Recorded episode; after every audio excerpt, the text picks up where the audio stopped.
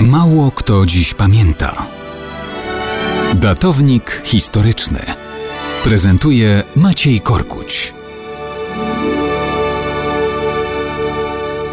Mało kto dziś pamięta, że 2 lutego 1348 roku doszło do wielkiej bitwy nad rzeką Strawą. To było starcie pomiędzy Krzyżakami a Litwinami. Wielki mistrz zakonu Heinrich Duzemer uczestniczył wielokrotnie w starciach z Litwinami. Styczniu 1348 roku wyprowadza więc z państwa zakonnego dwie kolumny wojsk, które mają na celu uderzyć na Litwinów. Ale jest problem. Kolumna prowadzona osobiście przez wielkiego mistrza utknęła w północno-wschodniej części Prus na skutek olbrzymiej burzy śnieżnej. Na Litwę więc wchodzi druga kolumna, którą dowodzi wielki komtur Winrych von Kniprode. Siły krzyżackie zostały więc podzielone. Kniprode ma około 4000 ludzi. Litwini, którzy wychodzą im naprzeciw, mają ponad dwukrotną przewagę. To wynik ogromnej mobilizacji przeprowadzonej do walki z najeźdźcą.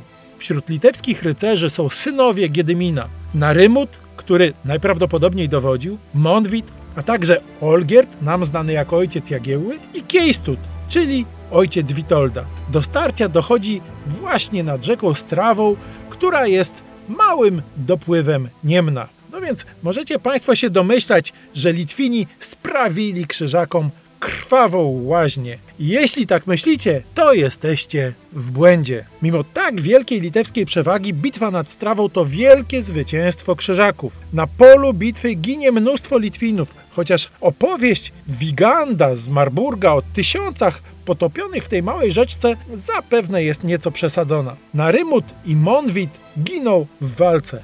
Olgierd i Kiejstut ratują się ucieczką. Winrych von Kniprode okrywa się sławą, która potem przyniesie mu tron wielkiego mistrza. Jednak samego zwycięstwa krzyżacy nie potrafili wykorzystać. Możliwe, że ich straty też były o wiele poważniejsze niż zapisują to niemieckie kroniki.